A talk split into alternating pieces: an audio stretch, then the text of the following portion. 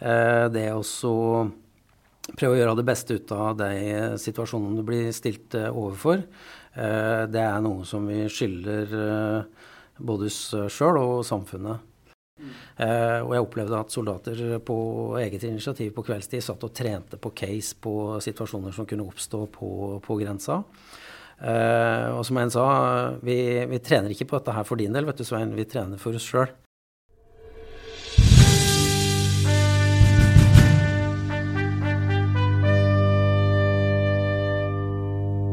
Du hører nå på Krigens krav, en podkast fra Heimevernssamfunnet.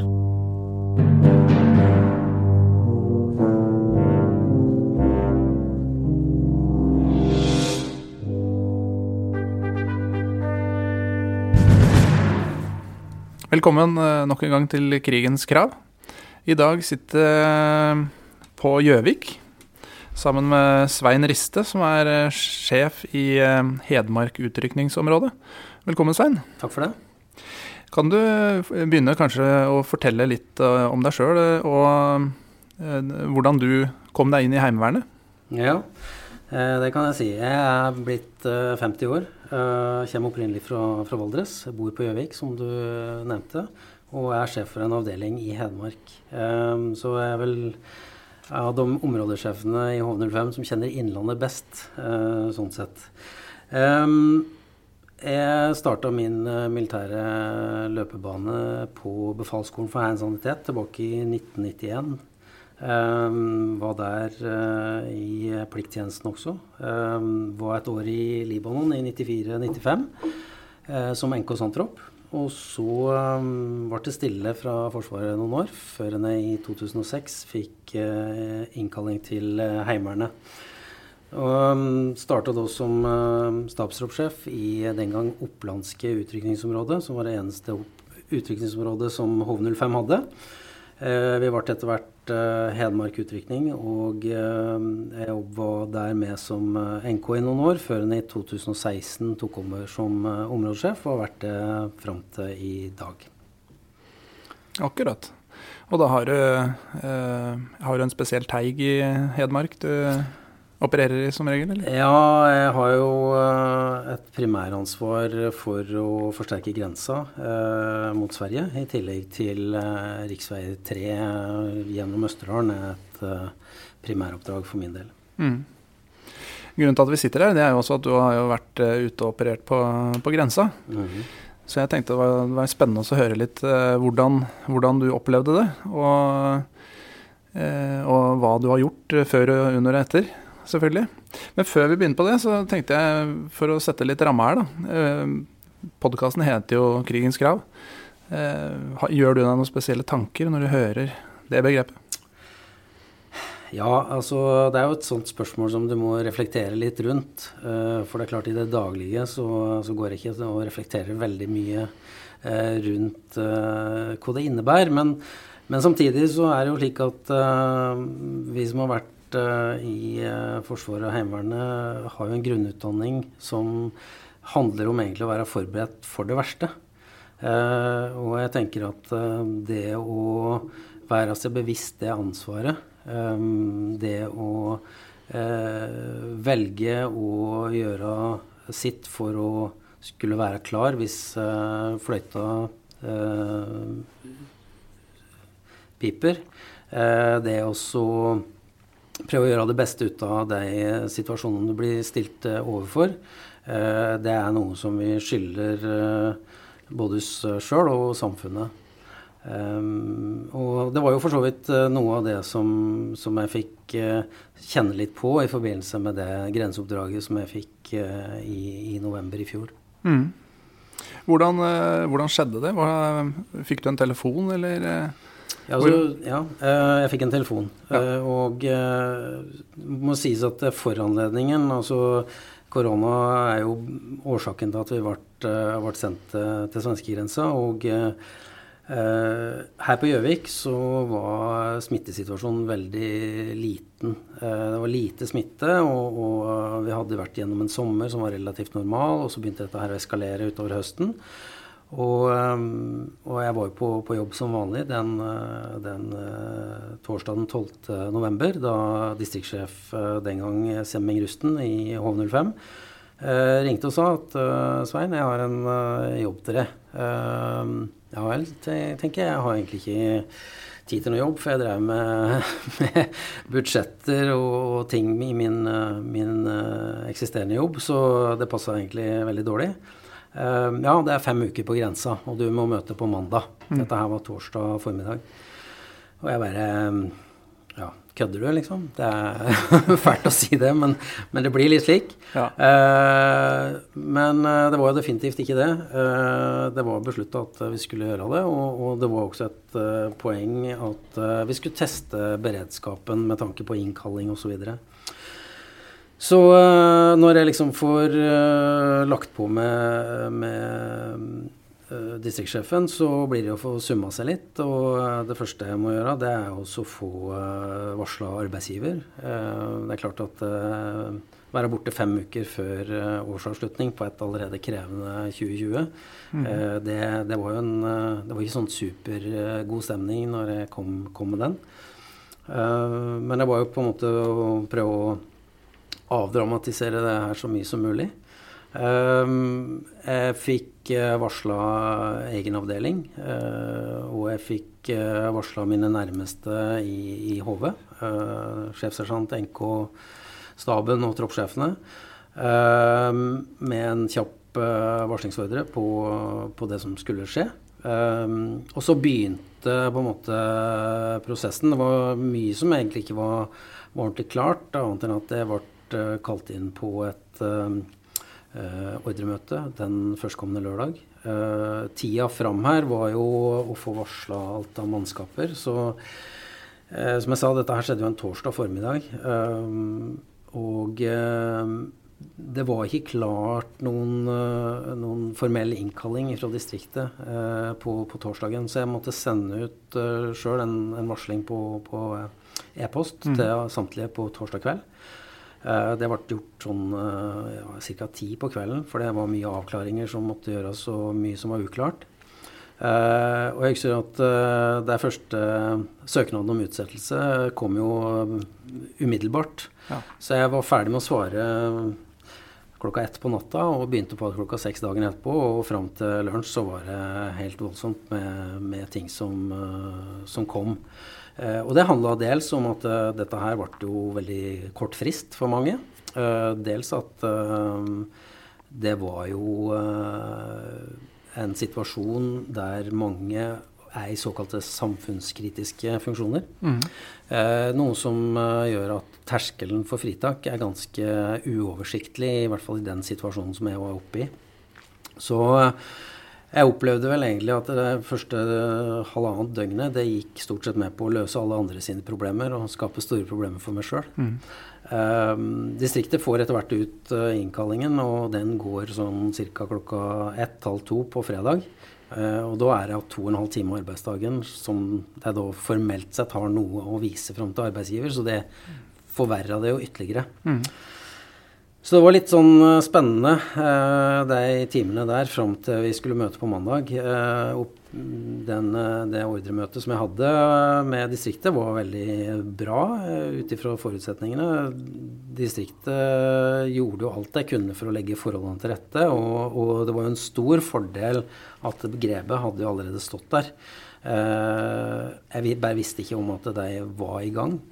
Eh, men eh, når jeg møter på, på mandagen, så uh, har jeg en idé om at ca. halve styrken møter. Jeg har 167 menn og kvinner, og det er ca. 70 som, som møter den, den mandagen. det er akkurat så det holder for det oppdraget som skulle løses. Mm. og ja, det oppleves Eh, ganske hektisk akkurat å komme i gang. Eh, vi får gjennomført en, et uh, mottak som er godt gjennomført med tanke på smittevern, som også var veldig viktig. For det er jo mye folk sammen på én plass, ikke sant. Og, og ja, det, det, å få folk til å føle seg trygge, da, det er mm. alfa og omega i en sånn situasjon. Så ting går seg til, og, og vi går da etter hvert over i en opptreningsperiode. Um, den foregår i noen dager og er dels uh, styrt av distriktet. Noe tar vi sjøl. Og, og uh, politiet og tollvesenet er også inne og gjennomfører et opplegg. Det var mm. delvis testa før med Hadeland, som hadde vært inne før, og, og litt med, med, Grebe, som hadde vært inne da, litt i forkant av oss. Men det var vi som hadde den første ordentlige gjennomføringen av det. For det var et ønske om å teste en sånn klar på sju dager-situasjon. Eh, ja. Um, nyttig, og uh, der opplevde jeg jo virkelig uh, at når situasjonen krever det, så er alle påskrudd og ønsker å gjøre en så god jobb som mulig. Mm. Eh, og jeg opplevde at soldater på eget initiativ på kveldstid satt og trente på case på situasjoner som kunne oppstå på, på grensa. Eh, og som en sa, vi, vi, trener ikke på dette her for din del, vet du Svein, vi trener for oss sjøl. Ja. Uh, og det syns jeg var egentlig veldig godt, uh, godt sagt, og ja. veldig betryggende at, uh, at, jeg har så uh, reflekterte og voksne folk i avdelingen. Så, så det. Uh, ja. Hva slags caser? Var det noen spesielle caser dere ja, trena altså, på?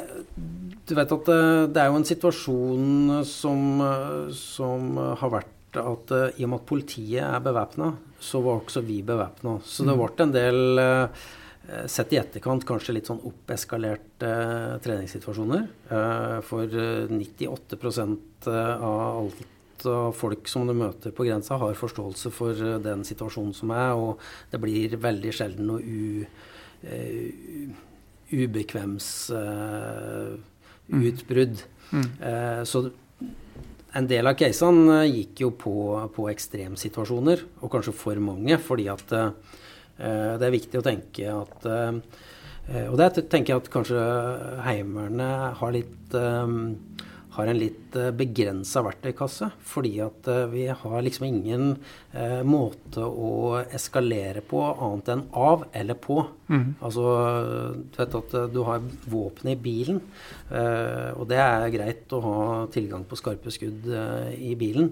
Men det skal veldig mye til før du kommer i en slik situasjon. Bare det at vi har uniform på. Mm Eh, det har en ekstrem eh, stor virkning overfor eh, sivilbefolkningen. Så bare det å si, lære det grunnleggende som vi hadde på, på rekruttskole og befalsaspirant for mange mange år siden, å kle seg riktig, mm.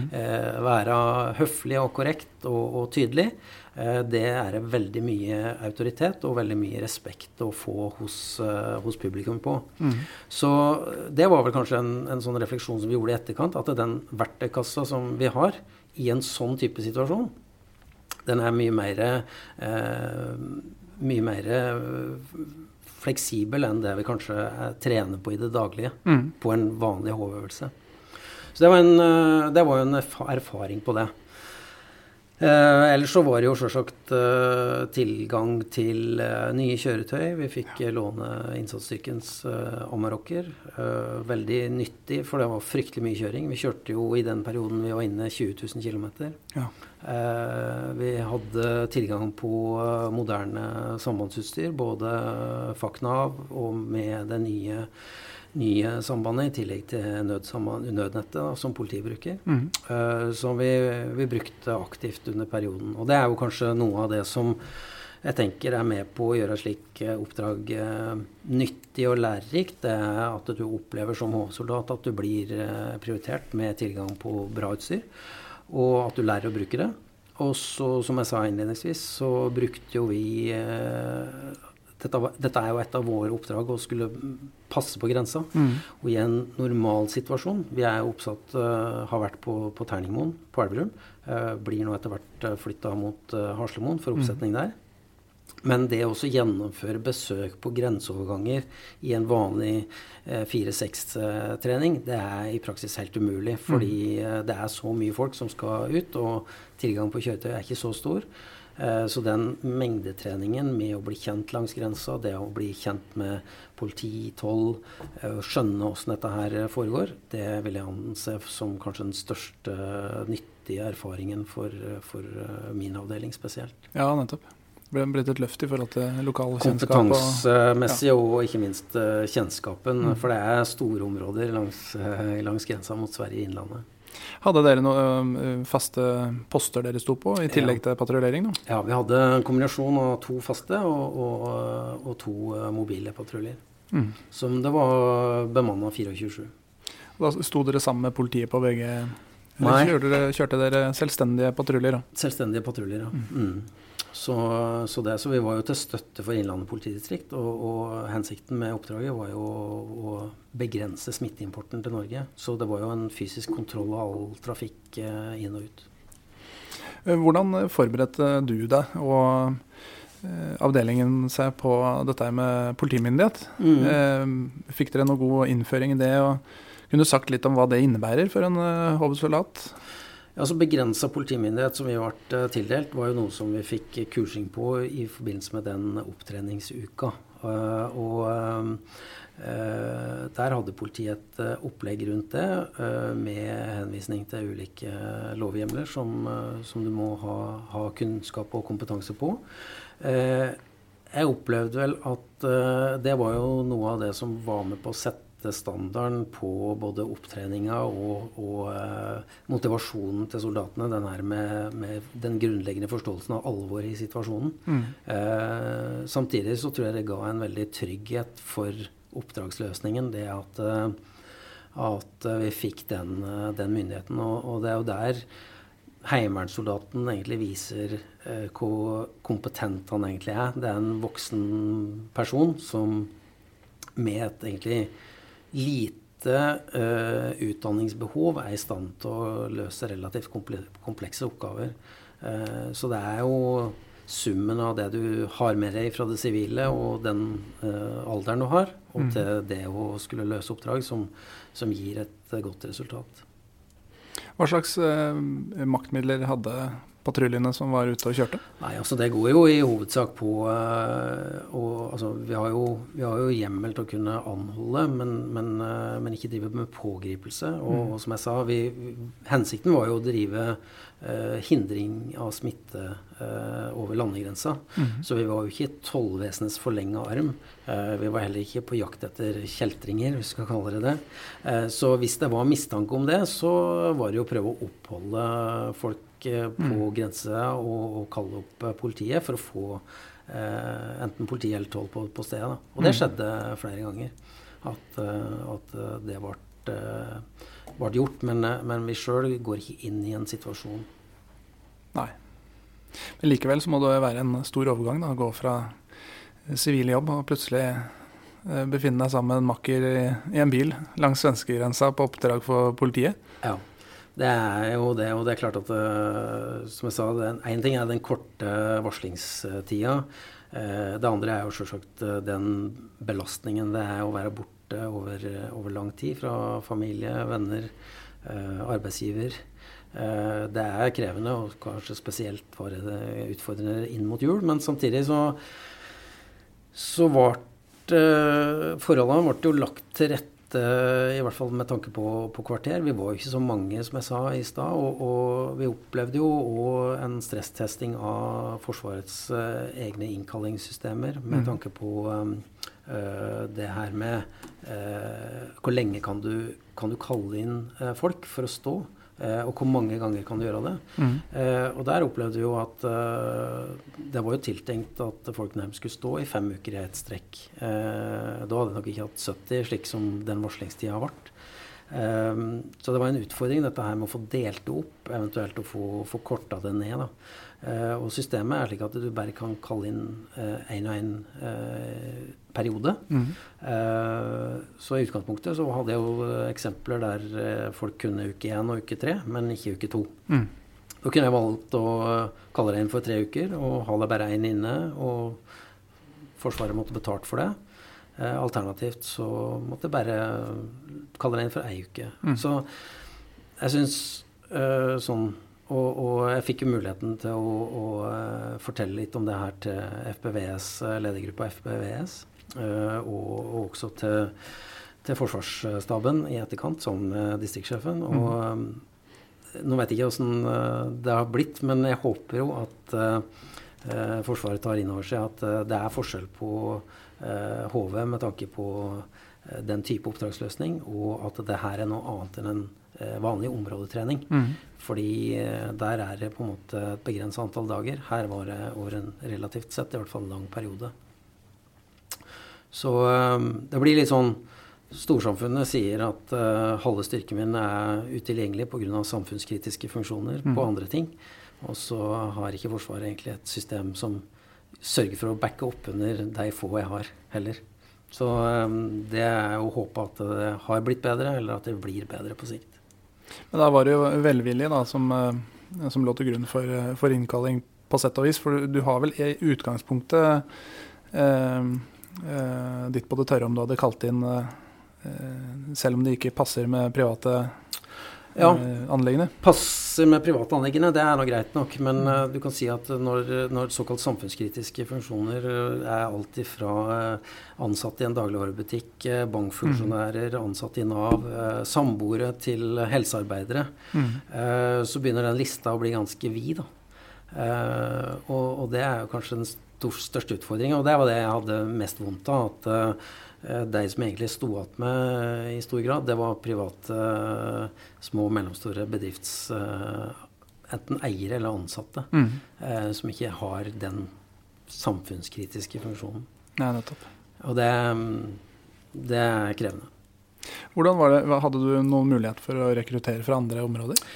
På det tidspunktet så fikk muligheten til å hente inn noe folk fra innsatsstyrke i Grebe, eh, som hjalp oss på, på slutten. Eh, og så er det rart med det. Når vi hadde drevet på en stund, så blir stemningen i området litt slik at uh, dette her skal vi jammen greie. Mm. Nå har jeg vært med så lenge, så skal jeg stå en stund til. Ja. Så jeg hadde jo folk som, uh, som egentlig skulle avslutta på et tidligere tidspunkt, som valgte å stå. Og jeg har hatt flere som har vært med i etterkant, som, som også har, har, stått som frivillig i betydelige perioder. Så det blir en sånn ja, hva skal jeg si, eh, litt sånn æressak. Bygge litt avdelingskultur? Eh, ja, definitivt. Ja. definitivt ja. Eh, hvordan valgte du sjøl å lede operasjonen når, når, operasjonen var i gang? Mm. Um, sjefens plass er sammen med sine menn og kvinner. Og for meg så var det viktig å være til stede under uh, oppdraget. Spesielt i innledende fase og også i avsluttende fase. Eh, på Haslemoen, der vi var, så var vi jo i et felles bygg. Vi bodde i et bygg med, der alle bodde sammen, på enkeltmannsrom. Og vi hadde en kommandoplass der min plass var rett innafor Obsen. vi gjennomførte innbrief og debrief med patruljene som skulle ut. Og det var i utgangspunktet Opsoff som gjorde det ved hvert vaktskifte. Jeg prøvde å være med på enkelte av dem, og i tillegg så hadde jeg jo min, som sagt min plass rett ved, ved Obsen, slik at jeg hadde tilgang på det som foregikk der til enhver tid. Og som jeg nevnte i stad, så, så, var jo sambandsforholdene egentlig veldig gode, så, så vi hadde et godt fungerende sambandsnett. Um, Ellers så Vi gjorde jo noe litt morsomt, egentlig. Dels på initiativ fra, fra distriktssersjanten. Øh, på den 13. desember var det Lucia. Så da hadde vi en, et døgn som vi deltes. Vi var to par. Som, som deltes ut og var rundt med Lucia-katter til alle Eller lussekatter, er det vel. Til alle alle patruljene som var ute i løpet av det døgnet. Og det var et poeng at uh, de skulle ikke få det med seg når de drog ut fra Haslemoen, men det at vi faktisk var ute og møtte dem på de forskjellige plassene. Mm. Så uh, det var jo en, uh, en litt sånn symbolsk handling, men jeg tenker det var viktig å komme ut. I tillegg så jeg var jo tidlig, som jeg nevnte, og, og kanskje den første som sto over, over, tid. Så det var jo mye besøk. Mm. Eh, både Heimevernsstaben var der, eh, sjef Heimevernet var der ved flere anledninger. Jeg fikk en hel dag sammen med forsvarssjefen. Mm. Eh, og det er klart eh, Det er jo en, en hyggelig eh, gest som blir vist fra, fra ledelsen, at, eh, at de tar seg tid til å komme ut og, og er oppriktig interessert i å høre om åssen ting blir løst, og åssen det oppleves. Mm.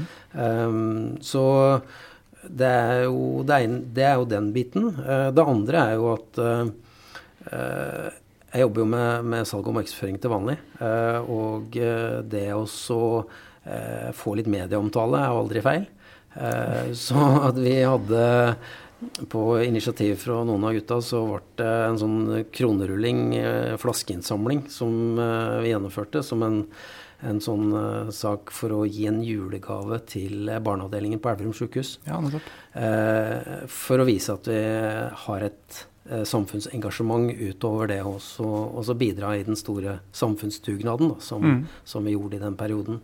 Og det tenker jeg det er også med på å sette Heimevernet i en eh, kontekst der, eh, der, det vanlige samfunnet eh, ser at eh, vi er til, til, hjelp og nytte når det er behov for det. Så mm. det er vel òg kanskje en del av krigens krav. Ja, det er jo kanskje det. Det er jo et eh, folkeforsvar på mange måter. Er ja, så er, vi er jo en del av totalforsvaret. og, og Sjøl om Østerdalen er godt forspent med, med, militært personell, så tenker jeg at det å, å få Eh, oppleve Forsvaret som eh, en eh, samfunnsaktør som også bryr seg om det sivile, det tror jeg er viktig. Mm. Hvordan eh, bemanna du eh, kommandoplassen din eh, underveis? Ja, der hadde vi en, en Opsoff. og så hadde vi to stykker på, på sambandsvakter da, til enhver tid. Så, så det, det, gikk jo døgnkontinuerlig, slik at de eh, roterte da etter, eh, etter en vaktplan. Mm. Og så når eh, oppdraget hadde vart en stund, så var det i ferd med å Da skulle du avvikle det hele. Ja. Eh, hvordan skjedde det? Var, du skulle, skulle, du avlevere til noen andre, eller? Ja, det, det skulle jeg. Um, det var slik at uh, um, Vinger, hovedområdet på Kongsvinger, uh, skulle ta over etter oss. Uh, så skal det sies at Vinger hadde jo vært uh, i oppdragsløsning fra mars til juni i 2020. Så de hadde jo lang erfaring med det. Mm. de skulle heller ikke inn på Haslemoen. Fordi at de har sitt eget oppsetningssted på Kongsvinger, og, og for deg så var det hensiktsmessig å være der. Men uh, ting hadde jo endra seg i perioden, både med tanke på regelverk og, og, litt erfaringer som var gjort. Så vi hadde overlapping og, og overlevering av oppdraget til, eh, til Vinger. Uh, I tillegg til det så skulle Sør-Østerdal på rett etter uh, nyttår.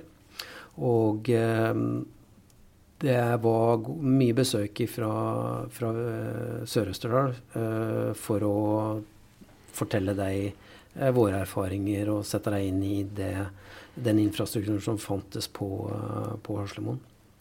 Så det er jo en god erfaring å ta med seg, den, eh, den overleveringen av et oppdrag uh, i, en sånn, uh, i, en sånn, setting som dette her. Og, og oppdraget går jo fortsatt. Mm. Nå er vi i slutten av august.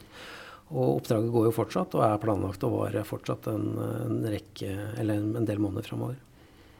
Jeg tror, uh, Hvis en skal oppsummere erfaringene som, som, jeg fikk, da, så er det noe med at um, du kan når du må. Uh, det er greit å ha med seg. Og så er det litt at um, det blir det du gjør det til. Uh, for hvis du går inn i en sånn situasjon med et negativt inntrykk eller negativ holdning, så blir det dritt. Det var en mental øvelse, det å på en måte prøve å komme i forkant av situasjonen.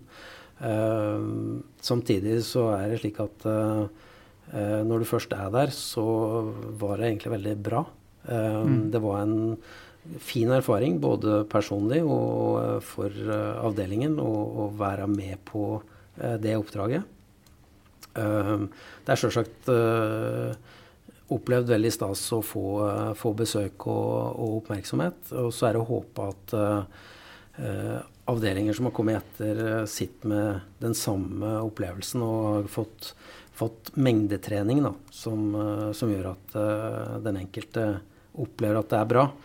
Eh, fordi jeg tenker at eh, kostnaden eh, En ting er det økonomiske, men kostnaden for den enkelte som, som står i et slikt oppdrag, den, den, er, den er, betydelig. Mm -hmm. Og derfor er det viktig å, at det oppleves nyttig når du er der. Mm.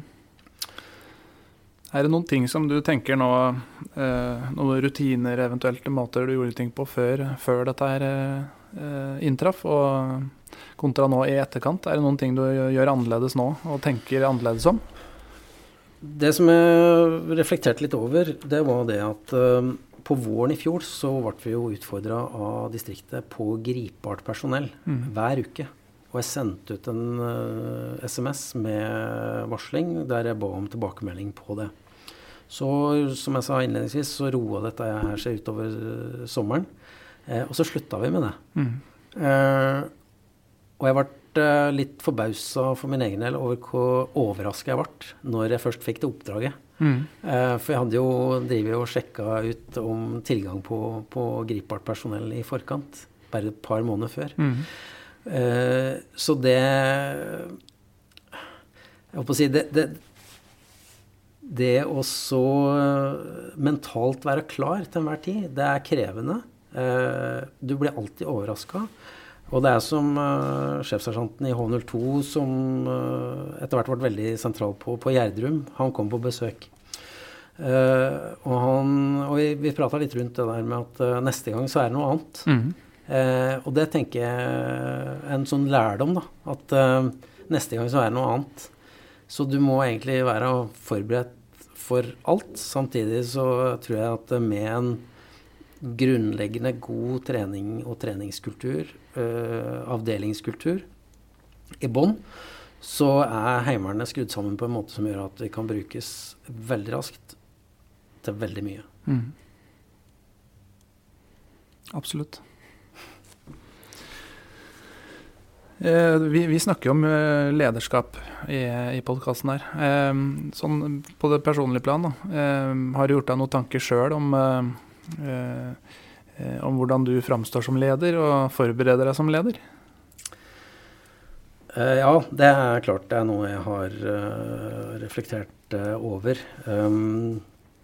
Det å gjennomføre områdetreninger som eh, oppleves eh, godt forberedt, eh, at det er en god plan, at det oppleves å være lite dødtid, at folk får lov til å ha handlingsrom. altså jeg tror veldig på det med sjefens intensjon. Mm. Altså min oppgave som områdesjef den er egentlig verdens beste jobb. med tanke på at hvis jeg har gjort grunnarbeidet med å peke ut en retning i forhold til rammene for treninga. Uh, så vet jeg at jeg har uh, en områdestab, jeg har lagførere.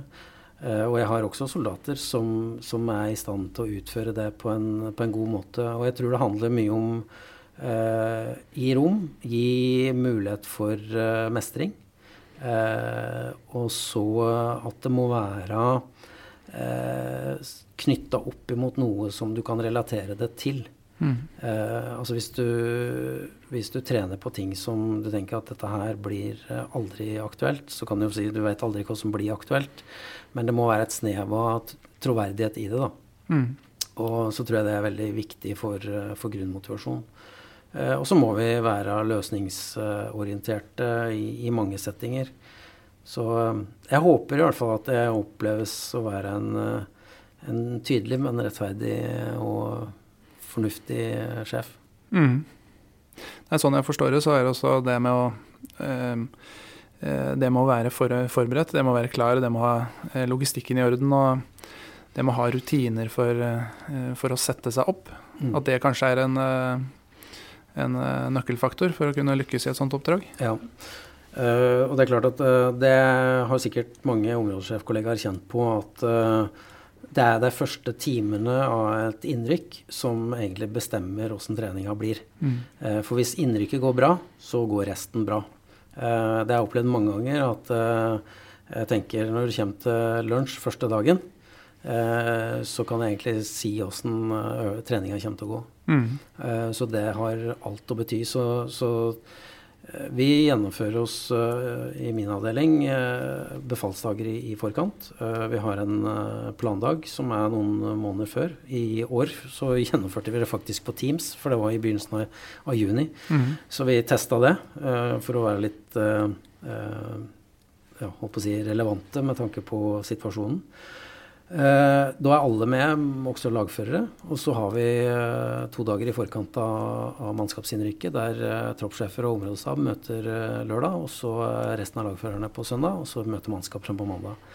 Og det tror jeg gjør at folk har fått muligheten til å lande litt og få forberedt seg på en måte som gjør at det, den opplevelsen som soldatene får i forbindelse med innrykket, at det oppleves meningsfullt og bra. Mm. Eh, og det er alfa og omega for å få gjennomført en god trening. Dette med Teams, er det noe du eh, praktiserte før eh, pandemien, eller er det en praksis som har kommet nå med pandemien? Jeg kommer med om pandemien. Jeg var på en Jeg har jobba i et firma der, der, vi brukte mye Teams. og Derfor var det jo spennende når, når, forslaget kom opp om det. Vi hadde egentlig planlagt et fysisk møte, og jeg, jeg var absolutt tilhenger av det.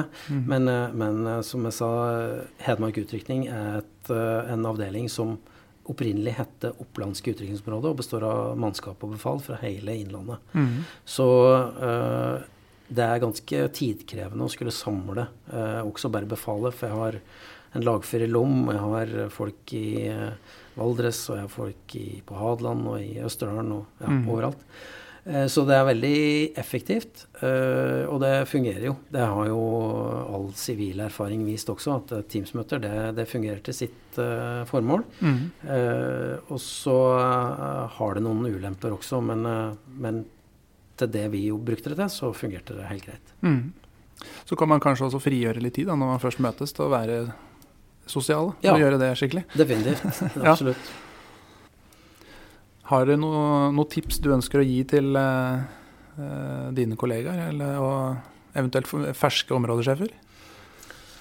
Jeg tror um, det å gi råd uh, skal man være litt uh, forsiktig med, med tanke på at den enkelte må jo finne sin vei for hvordan uh, skal løse jobben som områdesjef. Men, men jeg tror at hvis en har valgt å, å, søke på det vervet det er, å være en områdesjef, så, så, har du antageligvis noen ambisjoner og du har et ønske om å gjøre det på en, en god måte. Eh, da har du også sannsynligvis en personlighet som gjør at du er egna for det. Det er i hvert fall noen som har vurdert at du er egna for det. Eh, og da tror jeg at eh, du kommer langt med å være det sjøl. Det å spille på de ressursene som du har i kollegier rundt deg, både blant områdesjefer, men også i egen stab og blant troppssjefene. Eh, og så er det ikke noen tvil om at uten gode lagførere så er ikke et heimevernsområde mye verdt. Så det å involvere lagførerne på en måte som gjør at de føler et ansvar, uh, tror jeg er viktig. Og så langt som råd er, prøv også å ha så stabile lag som mulig. Eh, fordi eh, lojaliteten til en eh, HV-avdeling, den tror jeg er veldig sånn varierende hen du er i, i, i strukturen. Mm. hvis du er soldat, så er det gutta i teltet som er det viktigste. og da blir sjefens egentlig viktigste støttespiller i så måte, det er lagføreren. Mm. Det, er der, det der området egentlig formes. Mm. Så det får være rådet. Jeg syns det var et godt råd. Mange finner jo, eh, finner jo glede i å lese, eh, lese militærlitteratur og annen litteratur for å eh, ja, både for å utvide horisonten litt, men også få, eh, få inspirasjon til ut, å utøve denne lederrollen som vi har fått da, som områdesjefer. Mm. Eh, er det noe um, god litteratur som du ville anbefalt eh, kollegene dine? Vet du, stuss, jeg tenkte litt på det når du, når du, stilte spørsmålet her før vi begynte også. Eh, og så kom jeg på Jeg driver akkurat og, og leser ei bok nå som er skrevet av en Erik Thomassen som heter 'De valgte å slåss'. Den handler om vestlandshæren som ble uh, satt opp uh, på, på, Voss i forbindelse med invasjonen i 1940.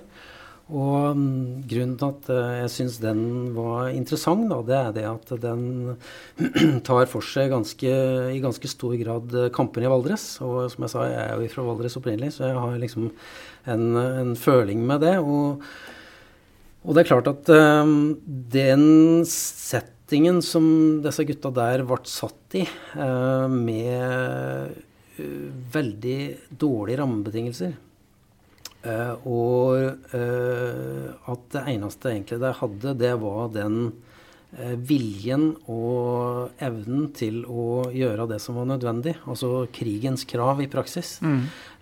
den syns jeg var inspirerende å, å lese. Um, og um, hvor, hvor, hardt det må ha vært med det, alt det uklare og alt det eh, som, eh, som det jeg opplevde, eh, det, den tenker jeg er verdt å, å lese. Mm. Eh, hvordan ser du for eh, veien videre og, eh, i ditt lederskap? Er det noe du savner, eller noe du ønsker å fokusere mer på, eller ønsker at eventuelt krigens krav da, kan ta opp i framtida? Altså, som jeg sa, jeg er jo blitt 50 år. Så det er klart at min tid i Heimevernet, den, den, er jo etter hvert på hell. Eh, og um, det som jeg faktisk bruker ganske mye tid på nå, det er jo å forberede avdelingen for det som skal skje etter at jeg er ferdig. Mm. Eh, fordi eh, fire-fem år i, i HV-sammenheng, det er jo i praksis veldig liten tid sammen med, med mannskap og befal. Så, så, jeg driver og, og rydder kontoret på en uh, god måte. Uh, skal ha inn en del uh, nye folk både i stab og i, uh, blant lagførerne. Og det vil jo forrykke på litt av den strukturen som jeg har hatt, og, og kanskje spesielt i de, de stabsfunksjonene som, som er. dette her er jo slik at jeg tror min viktigste støttespiller er jo egen NK og sjefsersjant. Uh, så er utfordringen på sett og vis at de er på omtrent samme alder. Eh, så, og det er vel noe jeg vil anbefale andre. Å sørge for at du har et eh, litt større aldersspenn. Fordi det som vi gjør nå, det er at vi begynner å dobbeltlegge en del stillinger som er kritiske, for å sørge for at vi er klare den dagen den dagen endringen, eh, endringen skjer. Mm. Men jeg tror det at noe av det viktigste for en områdesjef, det er å forberede avdelingen for, for, videre utvikling. Så jeg føler meg litt som en, en gardbruker som, som, skal overlate garden litt finere enn det jeg fikk en sjøl. Og det, det, er liksom fokuset akkurat nå. Da, vi, da går jeg ut fra at oppdraget på grensa har bidratt positivt i så måte?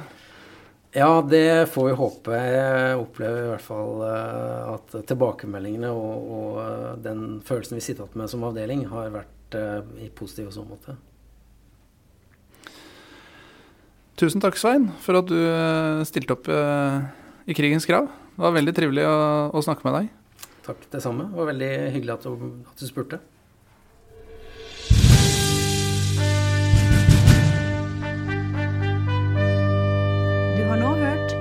Krigens krav. Ta kontakt med oss hvis du har tilbakemeldinger eller ideer til nye episoder. Kontakt oss på hvsamfunnet.no. Følg oss der du hører podkast for å få påminnelse om nye episoder. Og så er det veldig hyggelig om du vil anbefale oss til dine venner og kollegaer. Krigens krav er en podkast fra foreningen Heimevernssamfunnet, og denne episoden er laget av Magnus Jonsrud Kårdal.